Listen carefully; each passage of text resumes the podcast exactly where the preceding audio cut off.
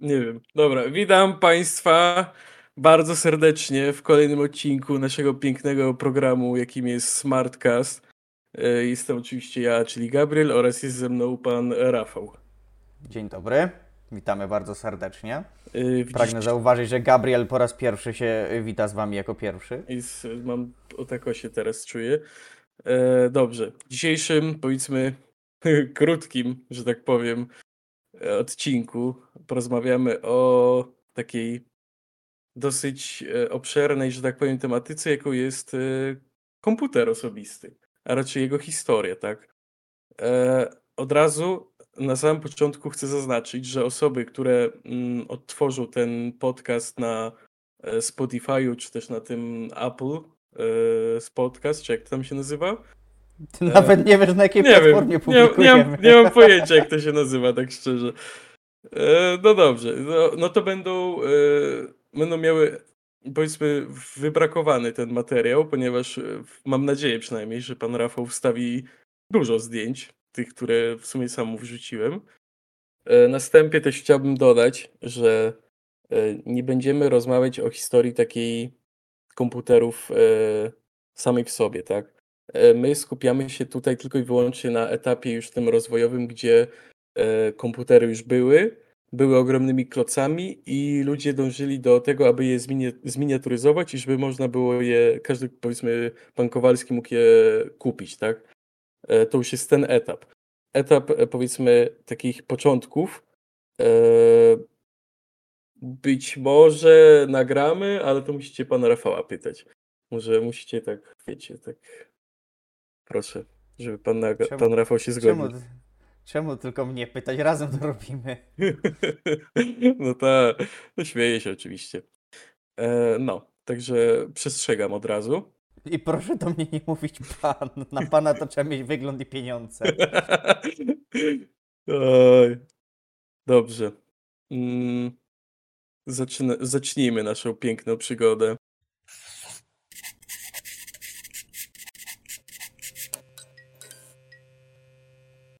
A może zanim zaczniemy, to jeszcze trzeba zwrócić uwagę, że tak naprawdę nie wiemy, czy wymieścimy się z tym w jednym, czy, czy podzielimy to na dwa odcinki. Zależy jak nam pójdzie, bo jeśli będziemy widzieć, że jest już długo i daleko do końca, to na pewno to, po, no to pewnie to podzielimy, żeby nie robić jakiegoś kloca dwugodzinnego, To, tak jak to wyszło z Applem. to, to też warto mieć na uwadze. Jeżeli e, urwiemy się gdzieś w połowie, to po prostu wiadomo, że będzie druga część. Nie, no to zrobimy, zrobimy jakąś taką planowaną przerwę, powiedzmy, pożegnamy się i zaprosimy na, na drugą część, którą No i- od razu nagramy. No i super. Dobrze. Od Bo- czego zaczynamy?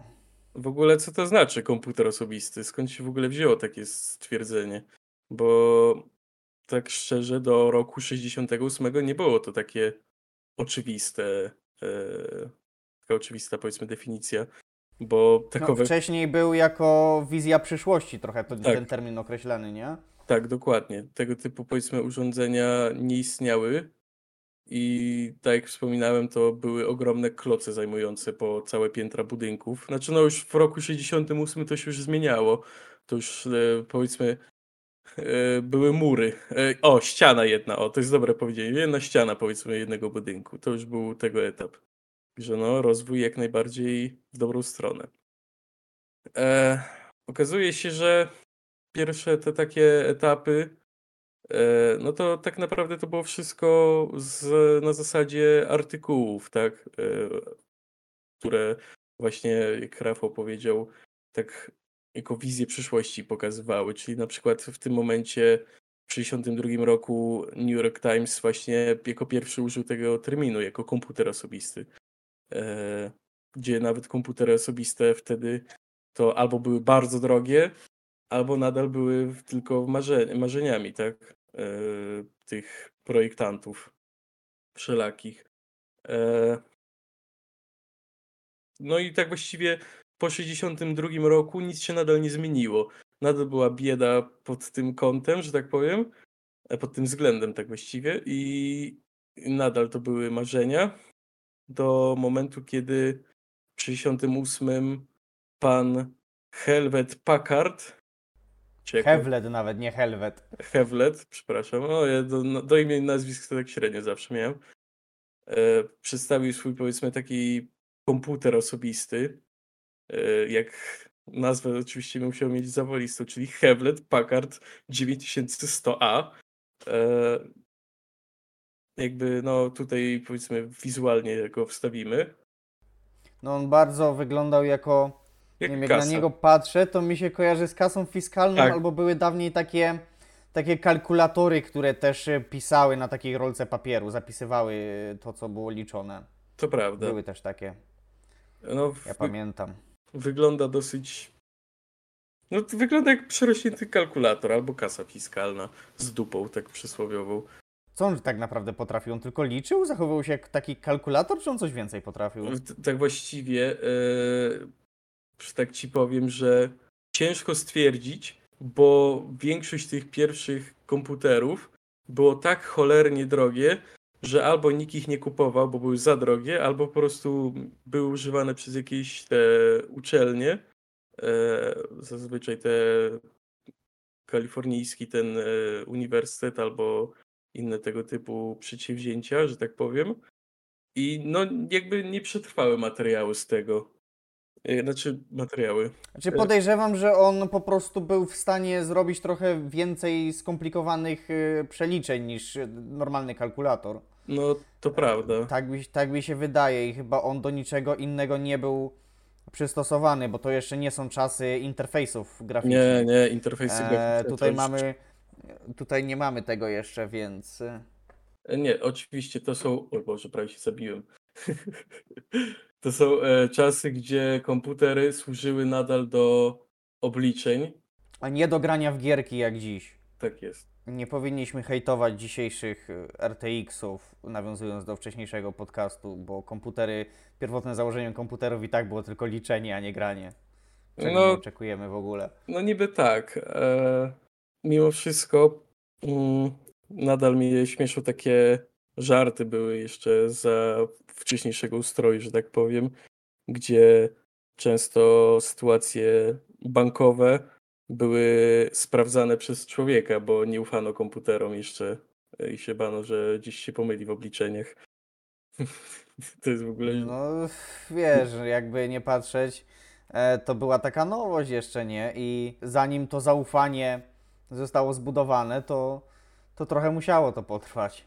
E, Nie, nie, nie, nie, nie zawarłem tej informacji chyba w tym powiedzmy naszym artykule, który zbudowałem, ale był taki procesor firmy Intel, który posiadał pewien problem bodajże z jednostką obliczeniową ALU, który dla prostych obliczeń wy, wy- wyświetlał błąd, dla którego 1 plus 1 mogło być równe 3. Był A to. wiesz, że ja coś kojarzę tą historię? E, Nie jakoś e, bardzo dokładnie, ale kojarzę, że było też coś takiego. e, nie, po, nie podam ci modelu, ale to jest Intel gdzieś z lat 90. Jeden z któryś tych, że tak powiem. On miał problem właśnie z jednostką, bodajże z jednostką obliczeniową ALU.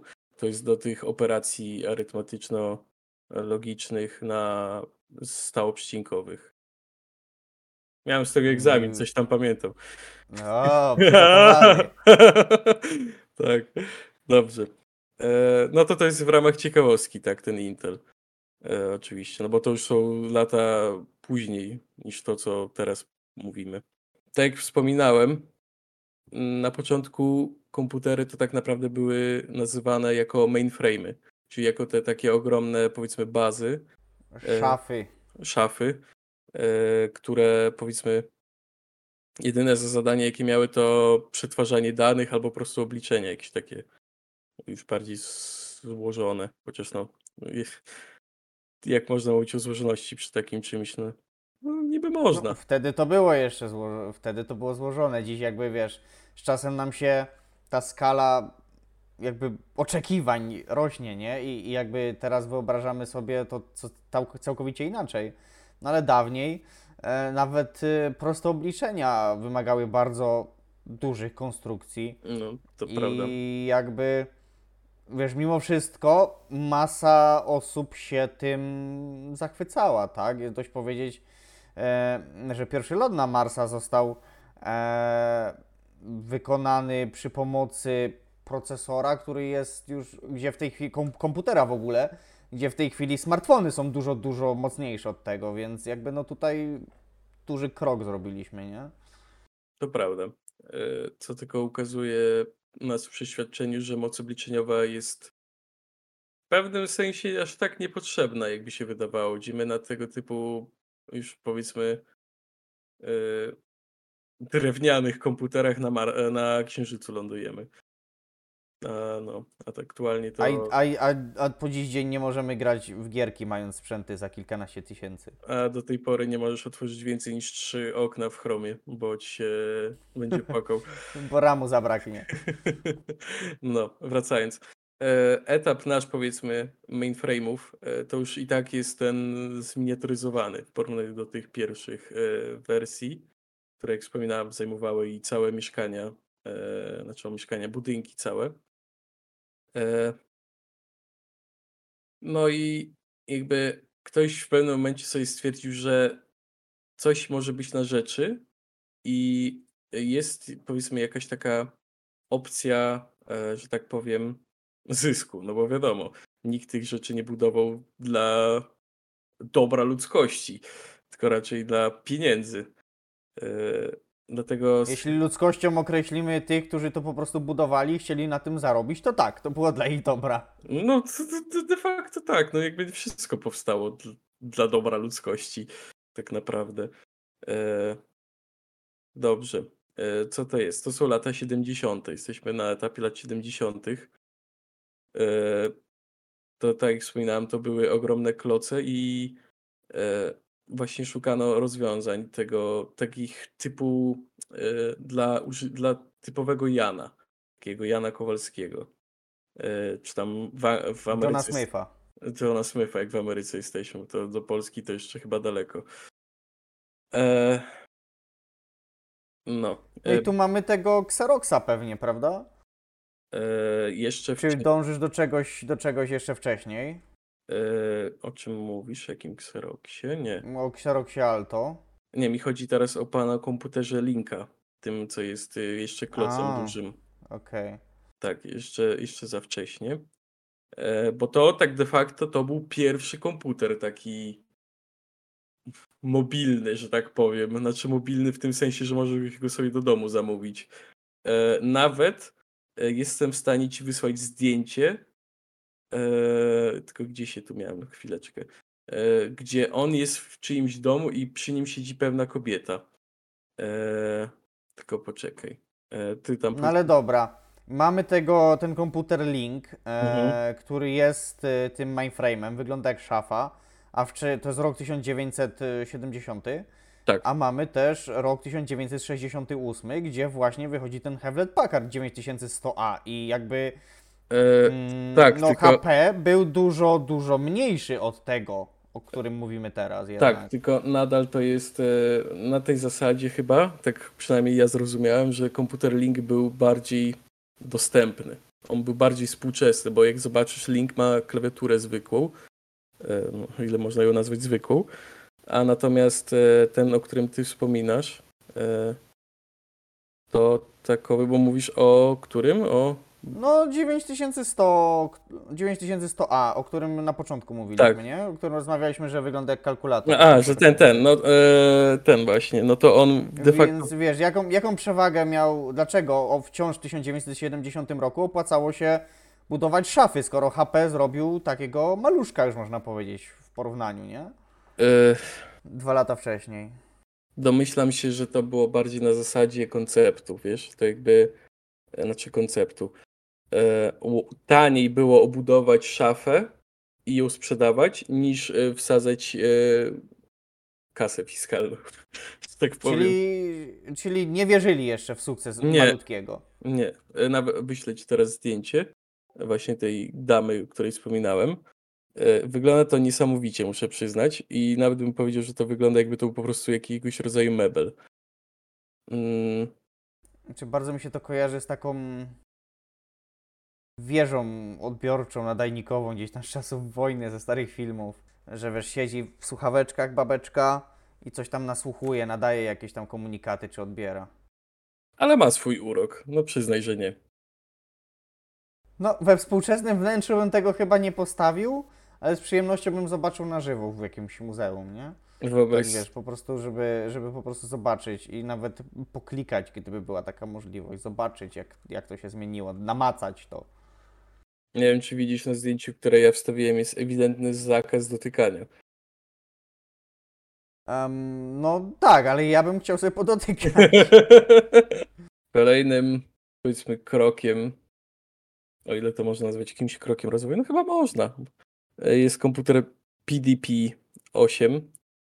E, To już jest na tej samej zasadzie, powiedzmy, sprzęt, ale już został, e, powiedzmy, zminiaturyzowany do tego stopnia, że był w jednej bryle, bo o ile wcześniejszy ten komputer Link był rozdzielony na dwa segmenty, to tutaj już mamy ewidentnie jeden, e, jedną bryłę, która, znaczy no de facto dwie, ale to jakby na pewno za- zajmuje mniej miejsca, że tak powiem. To już mi się w sumie bardziej kojarzy z jakąś szafą serwerową, nie wiem jak tobie, ta górna część. Ale wiesz co, jak porównuję Link i ten PDP, to Link mi się wydaje zgrabniejszy niż ten PDP. Może przez to, że ma bardziej regularną tą bryłę. E, no, PDP jest taki, taki, taki dziwny. no, wygląda dziwnie, w ogóle wygląda jakby to nie był komputer. Znaczy, ale on wciąż wygląda jakby był z kilku części. Może jakby on jest jednolity, ale, ale tak wiesz, masz, y, masz jedną część na spodzie, potem jakiś środek taki z jakimiś kontrolkami i wyżej masz y, pełno płytek drukowanych, nie? Tak, no dlatego powiedziałem, że on jest jakby podzielony nadal segmentowo, ale chodzi mi o to, że on e, powiedzmy zajmuje mniej miejsca nadal e, w porównaniu do Linka. Link to w ogóle, Ale Link, ład, Link ładniejszy, bardziej schludny. Wiesz co, bo ma chyba po prostu jeszcze taki vibe tych e, lat 70. A A Ten e, PDP-8 to jest generalnie coś, co mm, jakiś wizjoner przyszedł i powiedział, że tak moim zdaniem będzie wyglądać komputer w przyszłości, więc robimy go teraz. tak, A czym się różniły funkcjonalnie? Różniły się czymś? no de facto niczym. E, Tak naprawdę to było jedno i to samo, tylko. E, no tylko tak de facto bym powiedział, że Link był nawet bardziej przystępniejszy, bo tak jak mówiłem, Link ma e, taką de facto no, powiedzmy współczesną Klawiaturę. Tak. A PDP był chyba bardziej wykorzystywany e, do takich zadań serwerowych, o ile to można wtedy o serwerach Taki mówić. pełno, pełno kontrolek, e, Tak. przycisków, brak takiego. To jest, wciąż mówimy o komputerach, które bardzo odbiegają od tego, co, co znamy dziś. Tak. Dlatego przechodzimy do kolejnego naszego Xeroxa. Xeroxa właśnie. To już jest jak najbardziej współczesna konstrukcja, że tak powiem. O ile można Mówimy o sprzęcie z współczesnym. 73 roku. Tak. I to E. był pierwszy komputer, e, który za, tak e, pomijając ten e, prototyp HP, to był chyba taki pierwszy komputer, który, który kojarzy się z tym, co, co jest dziś w jakimś Tak. stopniu. Tak. E, Jako ciekawostkę e, należy dodać, że miał on mysz już wtedy, e, zewnętrzną klawiaturę i jakieś tam powiedzmy określone jako specjalne oprogramowanie. Domyślam się, że jakieś pierwsze, to były pierwsze próby jakiegoś etapu próby implementacji Microsoft Office e, jeszcze przed Microsoftem. E, E, znaczy generalnie, jeśli chodzi o Xeroxa, tam było bardzo dużo.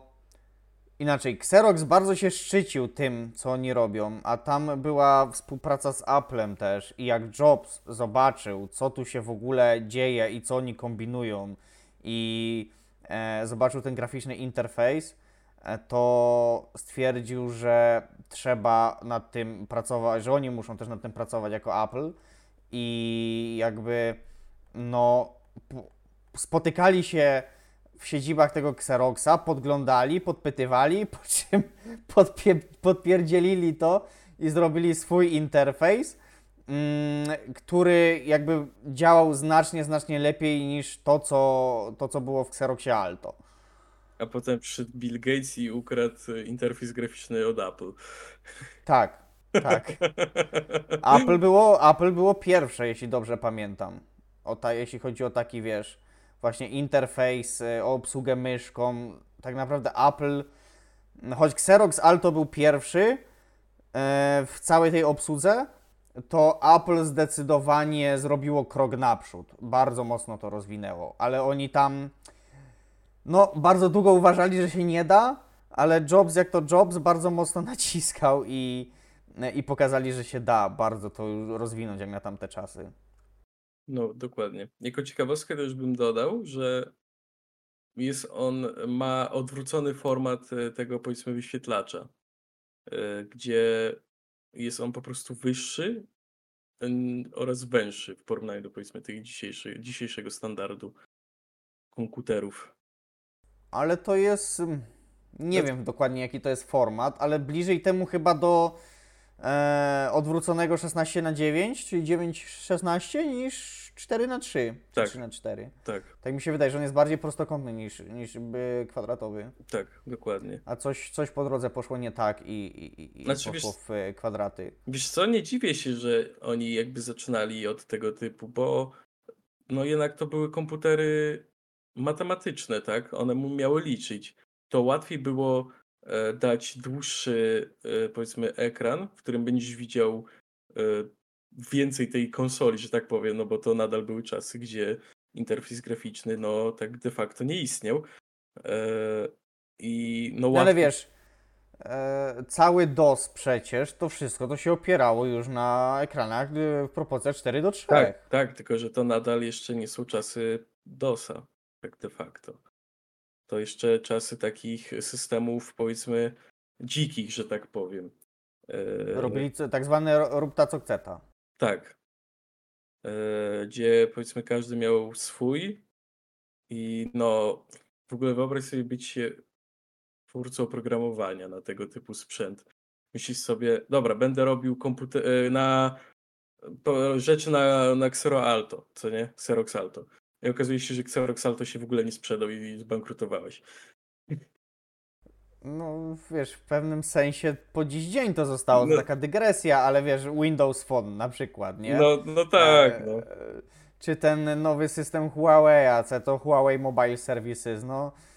Mm, Tylko, że Huawei to akurat tam kasiory sporo daje z góry, żeby devsi robili apki. No tak. E, ale na Windows Phone, no to, to wiesz, y, system nie był popularny, bo mm, nie miał kto pisać aplikacji na niego, a nie miał kto pisać na aplikacji na niego, bo system nie był popularny. No, dokładnie. Więc e, RIP Windows Phone. Ale to taka dygresja.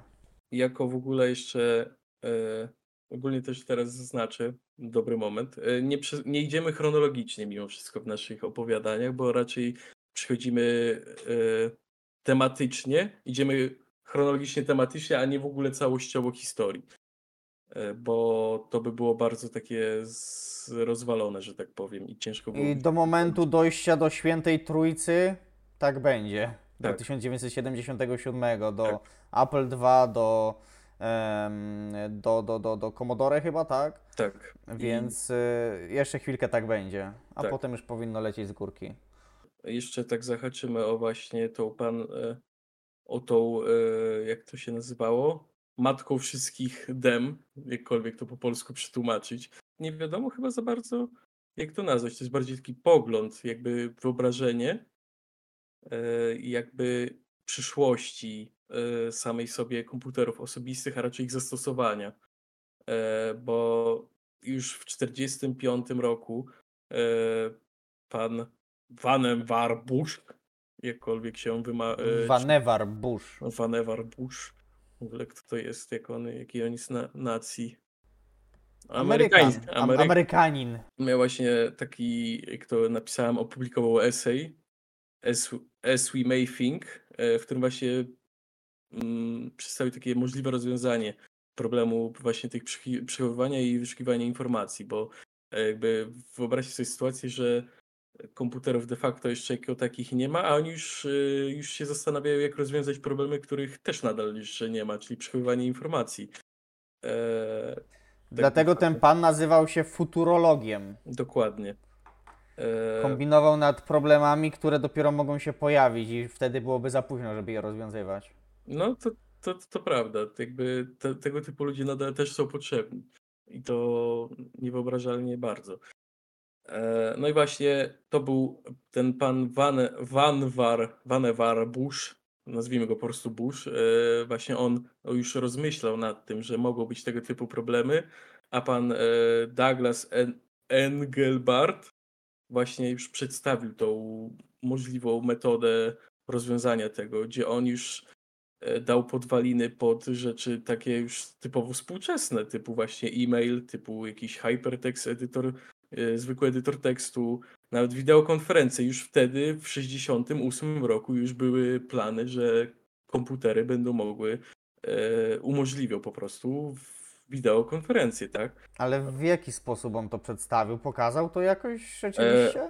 W sensie nie, to były, wiesz, takie na zasadzie, e, jak to się nazywa, e, teorie, co nie, że, że on już sobie, on już miał wizję przyszłościową, że komputery w przyszłości będą potrafiły, e, wiesz, e, łączyć się w sieci jakiejś i e, właśnie umożliwiały tą e, wideokonferencję z innymi użytkownikami.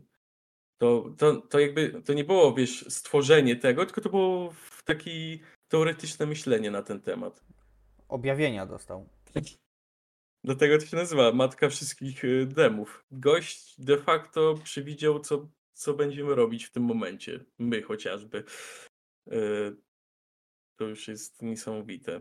Aczkolwiek widzę, że on miał jakiś swój już, y, swoją jakąś rzecz, swój prototypową myszkę miał. E, Pierwszą. E, Chcesz zobaczyć? No pokaż. E, nie wiem, mogę mi, może mnie wywalić, ale no. Ale fajna mysza. Bardzo ciekawa. Bardzo mi to konstrukcyjnie przypomina. Yy, oglądałeś Flintstonów? Tak. E, To Samochodzik. bardzo mi się. Tak, ten samochodzik Flintstonów bardzo mi to przypomina. No. E, Ja ci powiem, że jak patrzę na ten kawałek drewna, taki czuję taki vibe tych starych Mercedesów, co nie, co miały takie drewno w środku. O Mercedesach, ale to może tych nowszych kiedyś też może coś nagramy. No, samochody są jak najbardziej w, w naszej kalendarzu, że tak powiem. Tylko na termin nieznany. No Dobra. to co, może jeszcze sobie omówimy kwestię mikroprocesorów. O, mikroprocesory. Piękna rzecz. Wiesz coś na ten temat. Pochwalę się, egzamin zdałem na 3,5. No, gratulujemy, ja biję brawo. Dziękuję bardzo. E, przyznaję, było ciężko. E, ale udało się. No i to E, najważniejsze. Mimo wszystko do tej pory nie jestem w stanie tak dokładnie analizować schematów tych wszystkich procesorów.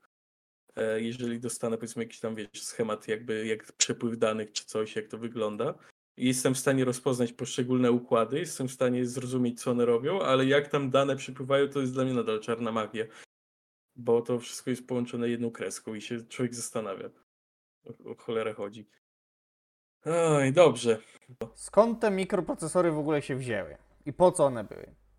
No, mikroprocesory, po co się wzięły, jak sama nazwa wskazuje, to już taki, powiedzmy, e, był przedsmak naszych, że tak powiem, współczesnych e, jednostek, właśnie tych e, arytmetyczno-logicznych, jeżeli je mogę tak nazwać, czyli po prostu procesorów. E, Najśmieszniejsze jest to, że niby w nazwie mikro, a nie wszystkie były takie malutkie. Chociaż te pierwsze faktycznie były mikro e, w porównaniu do dzisiejszych Zrób standardów. coś, chce, chciej coś pomniejszyć, zrób pomniejsz to, nazwij to mikro, po czym znów to powiększaj, bo brakuje ci miejsca. No i dlatego i usuwasz przedrostek mikro i zostaje procesor. Oj, I mamy dzisiaj takie byki jak Threadrippery, które są jak e, jedna trzecia tych klawiatur bez e, panelów numerycznych. dokładnie. Dobrze. Tak de facto w latach e, przed la... to około właśnie lat też 70. te wszystkie powiedzmy takie boomy e, tych mikroprocesorów się działy. E, jakby, żeby przedstawić wam taki e, powiedzmy schemat działania w ogóle mikroprocesora, bo tak jak wspomniałem, to mikroprocesory e, jest takim powiedzmy przedsmakiem współczesnych procesorów, ale to nadal nie jest to. Mikroprocesor mimo wszystko służy tylko i wyłącznie do takiego powiedzmy sterowania e, układem takim całym, gdzie mikroprocesor nie ma sam w sobie e, raczej, znaczy no te pierwsze raczej nie miały, te późniejsze już raczej miały. Mikroprocesor właśnie był takim, że tak powiem, mózgiem, który był połączony oczywiście z pamięcią RAM, tak jak współczesne procesory, z jednostką obliczeniową, czyli tym na przykład ALU albo FPU i jeszcze posiadały ogólnie te, takie wyjścia na powiedzmy peryferia, e, gdzie w tamtych latach raczej nikt jeszcze o tym tak za bardzo nie myślał. E, tylko się cieszyli, że Uga Buga 2 plus 2 4. E, ale no, jakby to początek tych mikroprocesorów, gdzie powiedzmy takim najbardziej pierwszym, takim najbardziej sławnym był właśnie ten Intel 4004. To jest 71 rok i już Intel istnieje, e, gdzie i tak ja powiedzmy historię Intela zawarłem tylko w tym, że istniał i stworzył procesor tego typu. E, a z wykładów, chociażby na mojej pięknej uczelni, dowiedziałem się, że Intel wtedy właśnie tworzył mikroprocesory i e, miał problemy z implementacją tam pewnych rzeczy i umówili się, że coś tam dobra, zrobimy za dwa tygodnie będzie i okazało się, że nie było. I praktycznie Intel mógł zbankrutować tydzień po tym, no czy tydzień, no trzy miesiące po tym jak się otworzył. No, ale tak się nie stało. Czy to dobrze, czy źle, nie wiem. To jest, wiesz, kwestia, kwestia otwarta, bo mimo wszystko e, no, to Intel w dużej mierze te lata 2000 E, napędzał ten rynek współczesnych komputerów osobistych, e, to głównie procesory Intela były przecież w tych komputerach i gdyby nie Intel, no nie wiadomo, co by to było tak naprawdę. Mm, można Intela lubić lub nie, ale bardzo dużo im zawdzięczamy. No, mówisz o latach 2000, a tu mówimy o latach 70., gdzie no, tak naprawdę. No, no, tak, ale wiesz, gdyby wtedy Intel padł, nie wiemy, co by było dziś, nie? Czy, e... czy, czy, czy, czy, w tych latach 2000 ogólnie? Domyślam się, że to jest taka moja teoria, że byłaby dzicz na tym. Nie byłoby takiej standaryzacji, jak jest teraz, gdzie de facto masz dwie firmy, tylko miałbyś, e, znaczy no jeszcze z Apple oczywiście, e, ale raczej byłaby dzicz, raczej ciężko, e, albo by dopiero powiedzmy formowały się jakieś standardy, E, albo te standardy powiedzmy by odbiegały strasznie. Nie byłoby tak jest w tym momencie, że mamy komputery PC i komputery Apple. E, tylko raczej byłoby, e, segment by się poszerzył na pewno o jakieś, na pewno jeszcze inne zastosowania. Bądź nie, no bo wiesz, mamy w tej chwili nawet jakieś rosyjskie czy chińskie procesory, które jak wiemy nie przedarły się do masowego użytku. Gdzieś tam są e, na tych lokalnych rynkach na jakieś bardzo specyficzne, e, specyficzne zastosowania. I być może byłoby samo AMD, a być może nie byłoby dziś nic. Tego nie wiemy tak do końca, można sobie gdybać, ale jakby rola Intela w tym wszystkim była ogromna i wydaje mi się, że raczej, raczej powinniśmy się cieszyć, że to tak się potoczyło i, i Intel nie, nie upadł. No, dokładnie mimo wszystko niebiescy wygrali tą wojnę wtedy. Zawsze, wtedy tak. Zawsze wygrywają. Oj. Czy zawsze? Słuchaj, to jest, y, kojarzysz, to jest taki mem, y, gdzie jest, go, jest podium i gość dostaje medal i tam szampana otwiera i w ogóle i się cieszy, że jest na trzecim miejscu i tam wiwatuje tak, nie wiadomo. No tak. No to to jest Intel w tym momencie. A, w ten sposób, okej. Okay. No to się zgodzę, to masz rację. No i jak tam te mikroprocesory się rozwijały w ogóle? Yy, najpierw zacznijmy od faktu, w czym one były takie lepsze de facto od tych, powiedzmy, tej dziczy, co była wcześniej, bo nawet ciężko ją... No bo wcześniej to wyglądało tak, że wszystkie obliczenia szły po prostu przez płytę główną, nie? Tak. Mm, to było strasznie porozrzucane i cała płyta miała to tam, odpowiadała jakby za, za liczenie poszczególnych elementów. E, tymczasem udało, dzięki mikroprocesorem udało się to bardzo zminiaturyzować, no bo w jednym konkretnym układzie, który umieszczało się na płycie, były już zawarte wszystkie te funkcje mm, obliczeniowe. Dokładnie. E, I to nadal też trzeba zwrócić uwagę, że to kosztowało mniej de facto niż te właśnie produkcja tych e, płyt całych. Bo tu mieliśmy e, malutki układ, a tam oczywiście mieliśmy ogromne kloce. No, mieliśmy mnóstwo płytek drukowanych tak naprawdę. Płyta główna to błędnie użyty termin Znaczy, przeze no, mnie. no tak, ale no powiedzmy, ale, ale mieliśmy masę płyt, płytek drukowanych, które przypominały dzisiejsze karty rozszerzeń. i Jak dziś dokładamy sobie po prostu karty, które nie wiem, pozwalają nam wpiąć e, więcej dysków, e, czy dodatkowe jakieś e, gniazda nietypowe, czy cokolwiek. Tak ja w swoim jednym komputerze miałem e, dołożoną kartę e, na Firewire, żeby podłączyć kamerę. Niektórzy może wiedzą, co to za złącze. Dosyć mało popularne, ale, ale, ale ja miałem. on, on żyje jeszcze? Mm, tej chwili wszystko przeszło na USB-C, wiesz, i na karty pamięci ewentualnie, Mhm. ale ja miałem taką kamerę na, na takie mini kasetki. E, nie pamiętam jak one się nazywały. Mini DV? Coś takiego? E, I czy mini AVC? Nie, nie, nie chcę rzucać, bo nie pamiętam. Taka to była kamerka, wiesz, e, taka mała i do niej się tu z boku wkładało kasetki i na nią się nagrywało. To nie było nagrywanie na karty pamięci jeszcze. Jak chciałeś to zrzucić na jakąś nagrywarkę czy na komputer, to właśnie potrzebny Ci był e, po prostu połączenie Firewire i tego raczej nigdzie nie było w, e, domyślnie w płytach głównych, więc można było sobie dołożyć taką kartę rozszerzeń właśnie z tym, z tym gniazdem, nie? No i można sobie wyobrazić, że dawniej właśnie w ten sposób mm, były dokładane przeróżne płytki drukowane, takie karty rozszerzeń współczesne, które liczyły liczby, liczyły jakieś tam kwestie arytmetyczne, logiczne itd., itd. Po czym przyszła era mikroprocesorów i to wszystko udało się zamknąć w jednym malutkim układzie scalonym, który umieszczało się po prostu na jednej płytce drukowanej. I tyle. Niesamowity przeskok. I to de facto w parę lat. Przecież e, mam wrażenie, że ten przeskok był wywołany tym, że jakby nie wyobrażano sobie innego rozwiązania wtedy jeszcze, co nie? Dopiero Wiesz przy- co, w ogóle lata 70. to był ogromny, ogromne ciśnienie na to było. Mnóstwo takich młodzików e, się rzuciło na to, którzy chcieli pokazać, że potrafią coś po swojemu, którzy chcieli zrobić duży krok naprzód.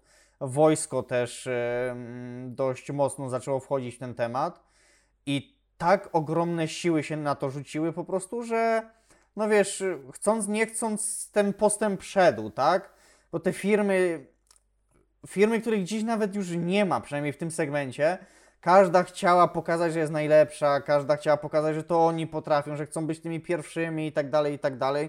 Wziąć właśnie na przykład tego Xeroxa.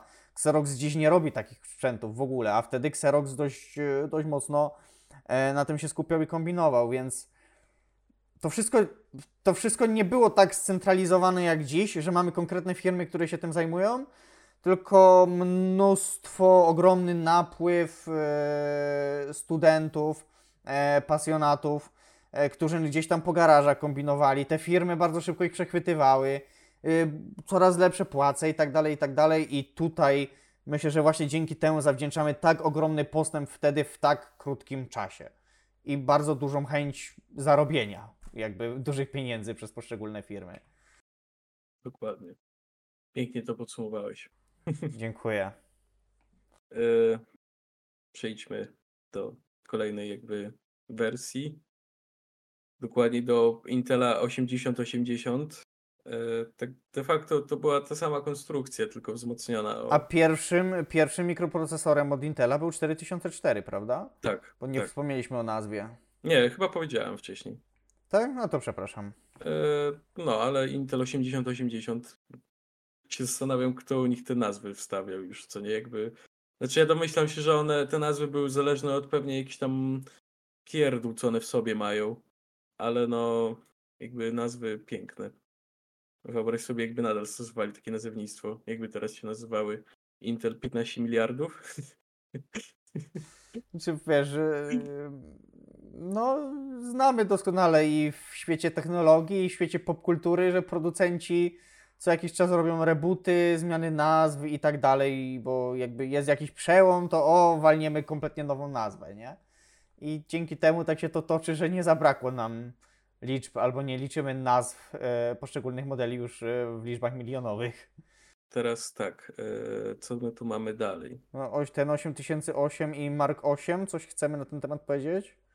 Mark 8 de facto to było taka, nie bym tego nie nazwał komputerem, to była skrzynka. Chociaż magazyny wtedy to nazywały mini komputerem. Chociaż jak mówiliśmy o szafie i nazwaliśmy to komputerem, no to może to też taki No, komputer. Marka też powinniśmy nazwać komputerem wtedy. No, dokładnie. E, I to był e, po wydaniu Intela właśnie 8080. E, właśnie s, powstał, znaczy to jeszcze przed Intelem de facto, ale no, a nie. E, to jeszcze na opartej architekturze Intela 8, 8008. Jeszcze wcześniej, przepraszam. Ten Mark właśnie ósemka był. E, no, wielki klocuch. Tak szczerze, szukałem jakichś jego zdjęć. Nie ma. Albo jest bardzo mało. I jedyne zdjęcie właśnie, jakie znalazłem, to jest z tej. e, wycinek z gazety, tak, kładka właściwie. która, która mówi, żebyś sobie zbudował swojego własnego e, mini komputera. E, No ale jak? Na czym to polegało tak właściwie? Ta budowa? Nie mieliśmy wtedy, te, ta, ta budowa własnego komputera wtedy. E, tak, tylko że tutaj e, jakby chyba chodzi o to, że e, mogłeś sobie. Chyba właśnie tu chodzi o to i ten, ten produkt pana Microsoftu, który jest chyba nawet widoczny na zdjęciu, tak mi się wydaje, że to jest to. I jest to właśnie ta 4-kilobajtowa, 4-kilobajtowy interpreter Basic z tą taśmą papierową, która jest nawet widoczna na tym magazynie. Domyślam się, że to jest właśnie to. Bo bardzo mało informacji znalazłem na temat tego Marka, nazwijmy go tak. Chyba, że po prostu ten... Mam, Masz? mam. E, Mark 8 generalnie składał się z płytki drukowanej, na której mogliśmy sami, sami umieszczać poszczególne e, party, poszczególne części.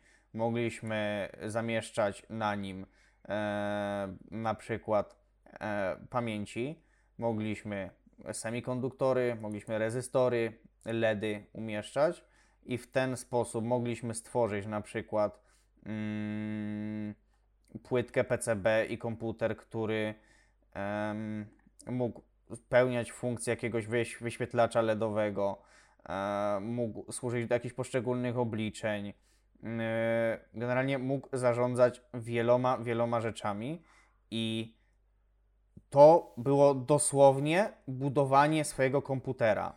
Nie tak jak dziś, że mamy e, płytę główną z procesorem. Na płycie głównej mamy określone pozycje, e, których nie wymieniamy, które mamy, mamy kondensatory, mamy, e, mamy wiele różnych innych elementów, tylko my tę płytkę pod ten komputer budowaliśmy.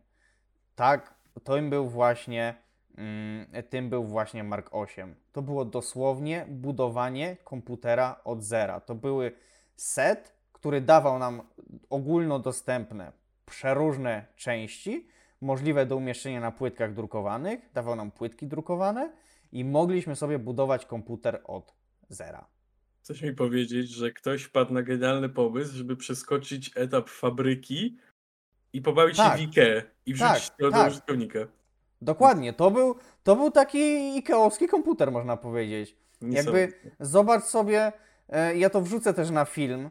E, zobacz sobie parę takich elementów. To, co ci teraz wysłałem, to jest na przykład płytka, która ma same kości pamięci wrzucone z jednej strony, nie? Piękne. Mm, masz e, chwilka. Masz tutaj płytkę, która ma, która obsługiwała wyświetlacz. E, więc przeróżne, przeróżne rzeczy można było sobie samemu w ten sposób robić. Ja wiesz co, myślałem, że to bardziej, e, że tak powiem, że to bardziej jest taka e, bardziej hardkorowe podejście było, bo z tego, co I- mi tu wysłałeś, e, to jest bardziej na zasadzie gotowych modułów, które ewentualnie możesz sobie zmodyfikować. Znaczy w pewnym sensie tak, bo wiesz, mogłeś je umieścić na płytce tak jak chciałeś, w układzie taki jak chciałeś, popołączać i tak dalej. Jak spojrzysz na niektóre zdjęcia, no to Mark 8 miał przystosowane sloty na te płytki drukowane i mogłeś dokładać kolejne płytki, które sobie sam w ogóle przygotowałeś o poszczególne podzespoły e, i rozszerzać możliwości tego komputera. Więc to było dosłownie zbuduj sobie komputer.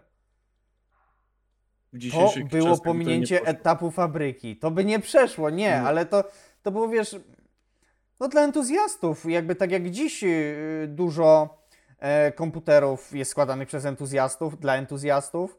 E, kto nie jest entuzjastą, kupuje sobie laptopa, tak? Po prostu to ewoluowało do innej formy, ale, ale w pewnym sensie po dziś dzień to zostało. entuzjasta, na który musiał wydać na to, tak przeliczając, pewnie z 500 euro, ta, euro, Boże, czy euro nie było, e, powiedzmy z maksymalnie 1000 dolarów tamtych, czyli to by wychodziło na nasze takie z, pewnie z 50 tysięcy złotych. Tak aktualne takie, co nie? No.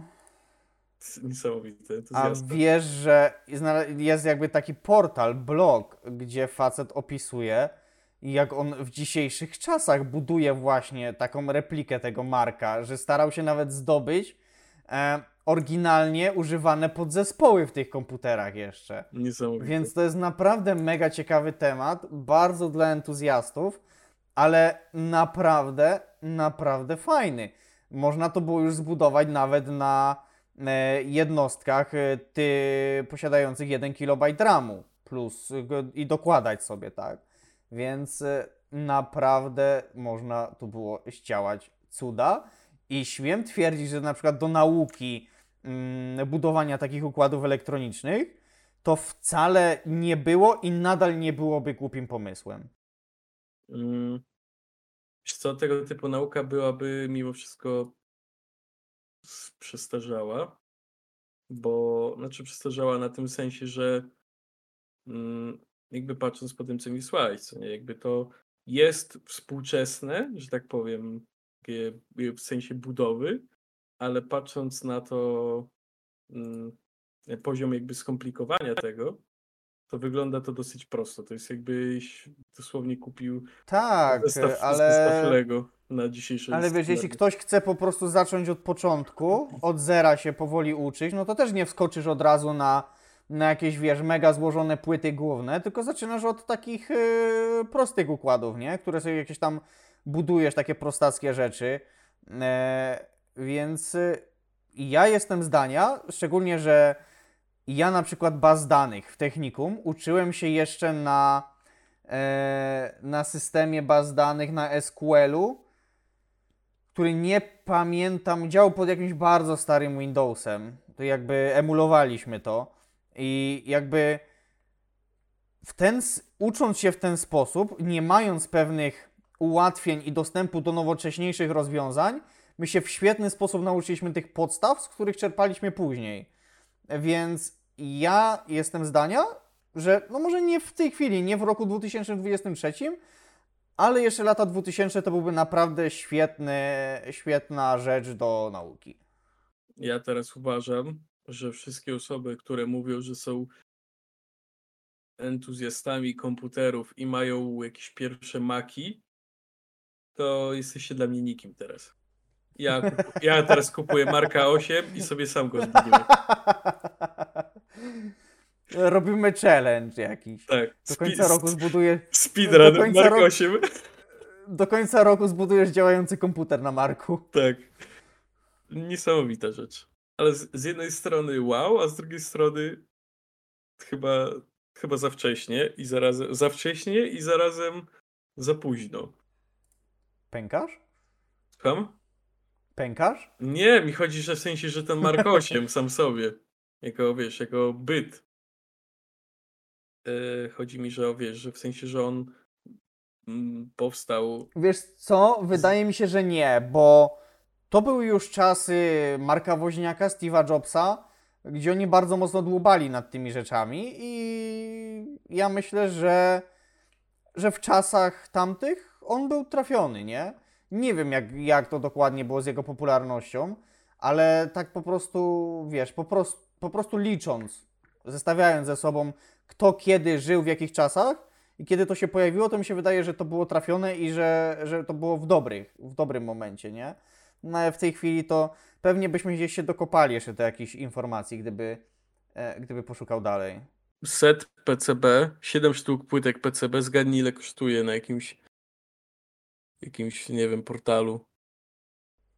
Do Marka w tej chwili? Tak. Puh, pewnie dużo. Wiesz, jeden, po- po, jeden ci wyda 5 koła na iPhone'a i powie, że to dobra cena, a drugi ci wyda 100 zł na Xiaomi i powie, że git. E, żeby cię nie trzymać w niepewności, jest na przecenie. Oryginalna cena 180 euro, aktualna 100 za 7 sztuk. To są gołe płytki, które Obstawiałbym więcej. to są gołe płytki, które możesz wykorzystać jak chcesz. Obstawiałbym więcej. Serio. Jakby to jest, uważam, że cał... naprawdę niezła cena, jak za... Bo wiesz, to trąci takim trochę... No, ale wiesz co, to nie jest, to nie jest e, powiedzmy oryginalny z tamtych lat, bo to już jest powiedzmy jakiś inol, że tak powiem, bo nawet A, no to... No to, to może okej, bo gdyby to był oryginał, to wiesz, to już takie trochę zabytek, zabytek nie? To, to obstawiałbym więcej wtedy. dobrze, ale zostawmy Marka w spokoju. No, ale dowiedzieliśmy się paru ciekawych rzeczy. No, to prawda. Mam nadzieję, że wy widzowie też się dowiedzieliście dzięki temu. Marek jest dziwny. Marek jest fajny, był fajny. Był, ale to cieszę się, że te czasy się skończyły, tak szczerze. Jakby spoko, ale ale dobrze, to jest historia mimo wszystko. Nie składałbyś takiego komputera już? Dostaje, wyobraź sobie, zamawiasz sobie płytę główną MSI, dostajesz 15 milionów kondensatorów jakiś, zbuduj se to.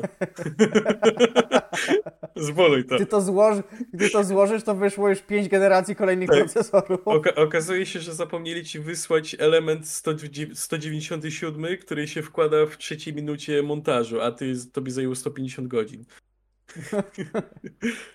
I musisz wszystko rozkładać. Czy to trochę jak z Lego, nie? Jak e, składałem, e, taka dygresja, jak składałem e, Lamborghini Sian z Lego. Tam masz Mhm. normalnie z, działającą skrzynię, e, której do przodu, do tyłu i luz.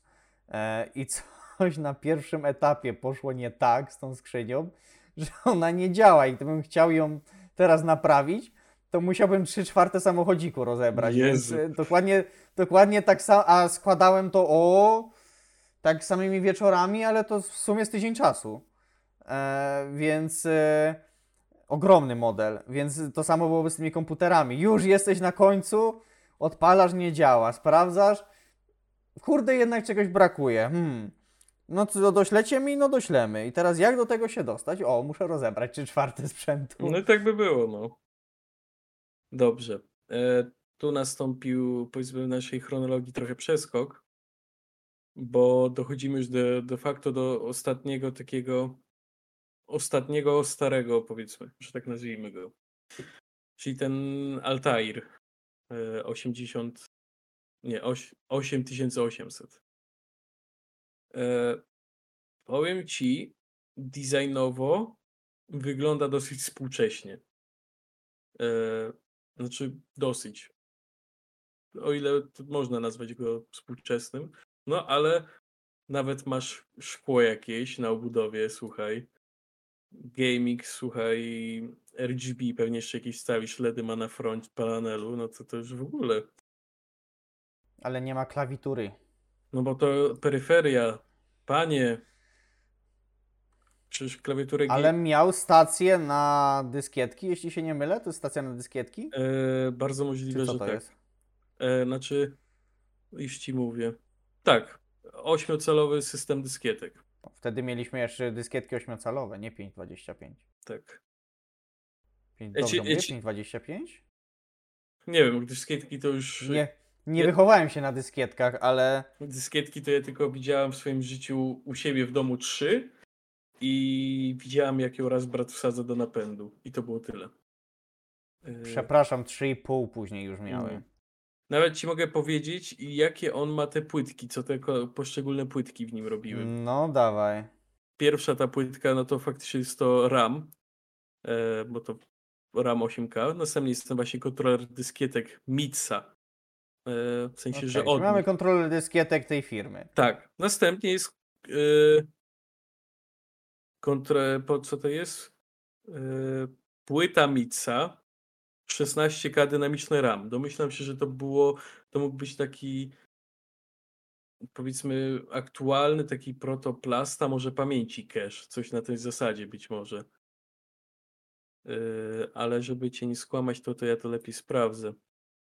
No, to wystarczy przeczytać. Ta pierwsza karta to jest statyczna pamięć RAM, a te następne dwie to jest dynamiczna pamięć RAM. Czyli ta dynamiczna Wyja- pamięć RAM, wyja- to wyjaśnijmy naszym słuchaczom. dynamiczna pamięć RAM de facto to jest yy, ta nasza współczesna pamięć RAM, A DDRAM. statyczna? statyczna pamięć RAM.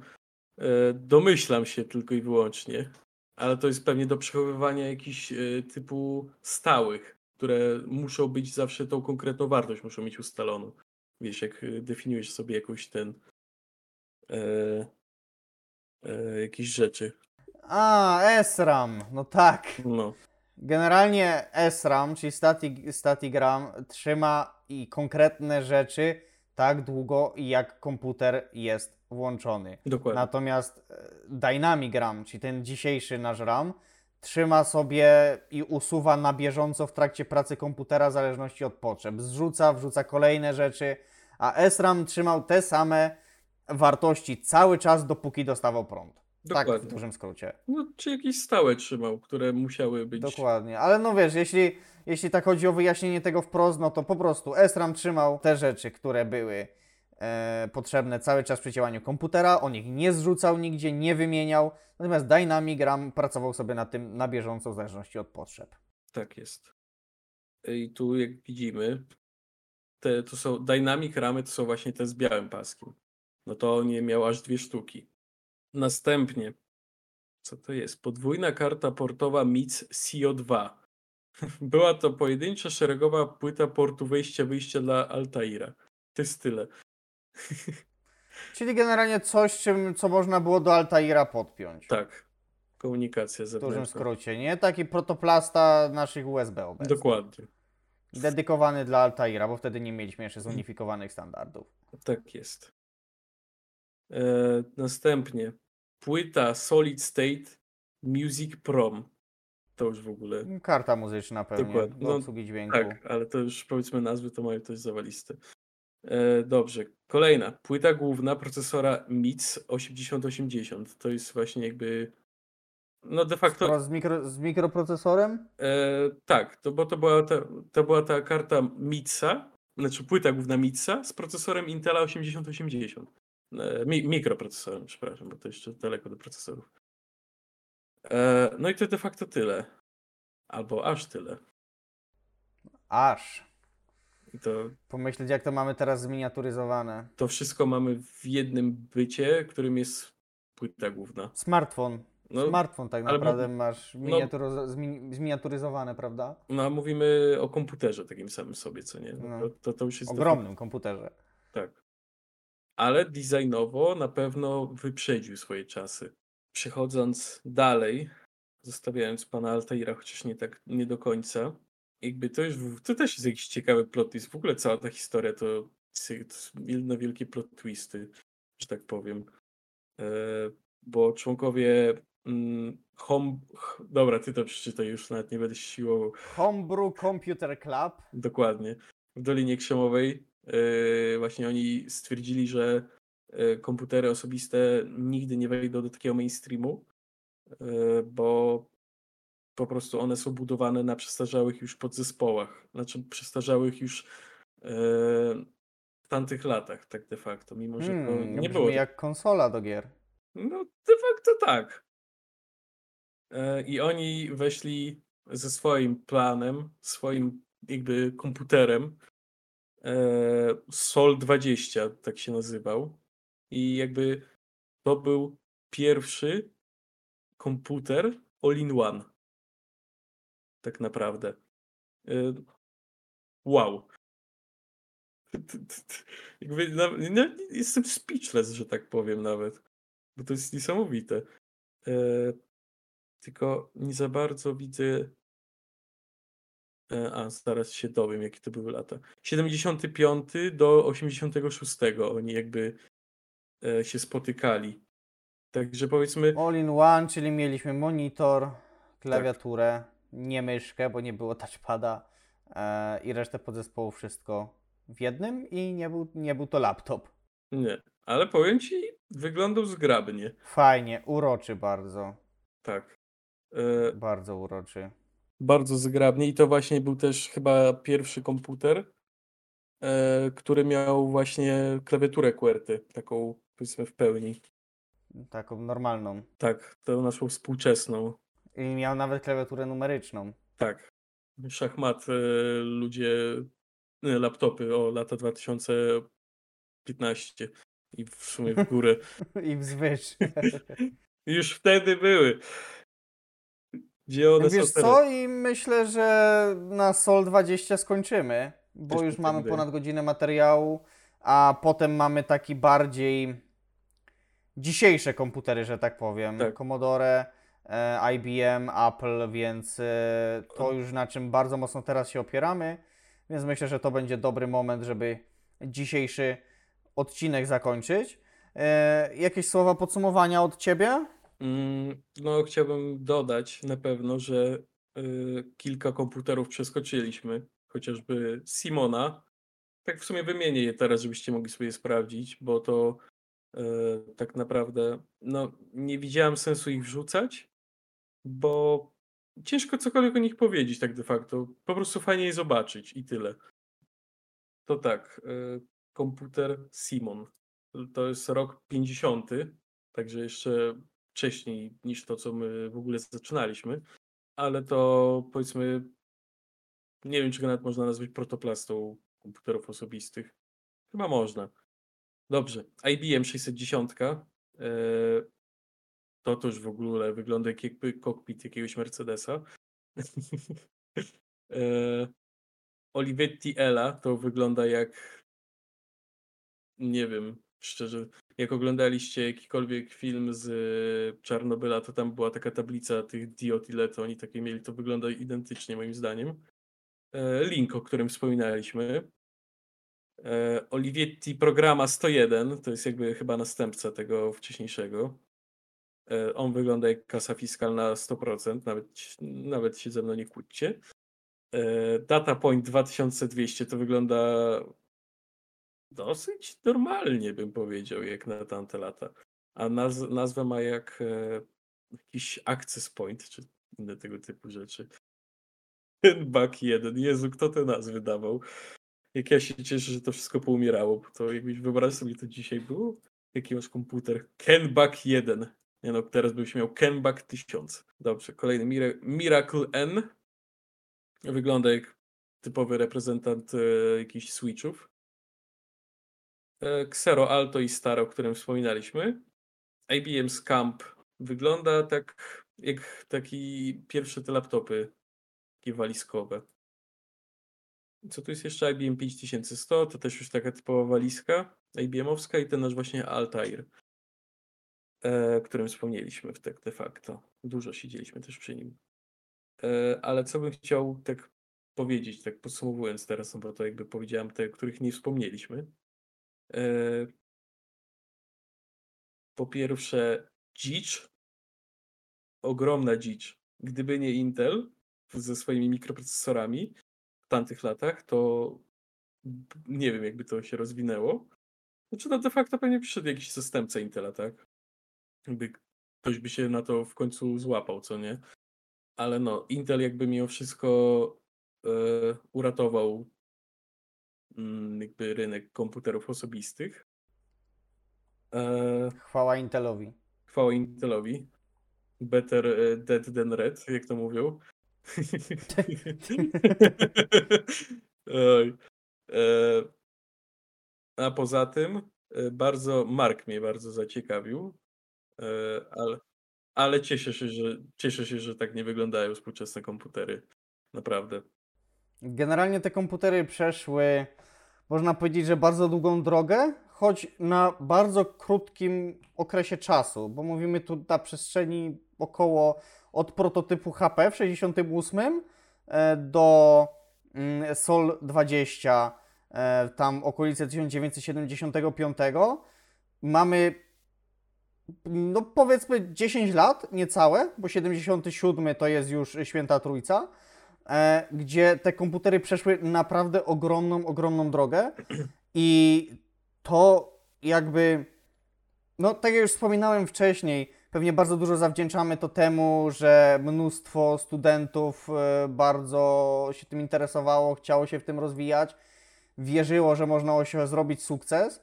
E, Duże firmy to wykorzystywały, bo dawały pieniądze na, na, na budowę tego, na rozwój, ale tak naprawdę to w następnym odcinku, gdzie zaczniemy mm, e, jakby od, od tej, tej trójki ważnych, ważnych w historii maszyn, zaczęła się historia dzisiejszych komputerów osobistych i tam można powiedzieć, że już ten rozwój trwał dużo dłużej, bo osiągnęliśmy pewien styl, pewien standard, który rozwijamy wręcz po dziś dzień i to szło już bardziej tak schematycznie i znacznie wolniej niż to, co do tej pory. Już, Więc mamy takie dwa, dwa tempa, można powiedzieć, tego rozwoju. że tak powiem, nikt już na nowo mm, nie wymyślił tego. To już była modernizacja raczej.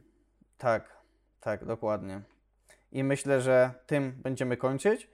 Bardzo dziękujemy Wam za obecność. Zapraszamy już teraz do kolejnego odcinka, do części drugiej e, za dwa tygodnie, gdzie omówimy sobie już te jeszcze bardziej współczesne komputery. Kłaniamy się nisko i do usłyszenia, do zobaczenia. Cześć. Bye bye.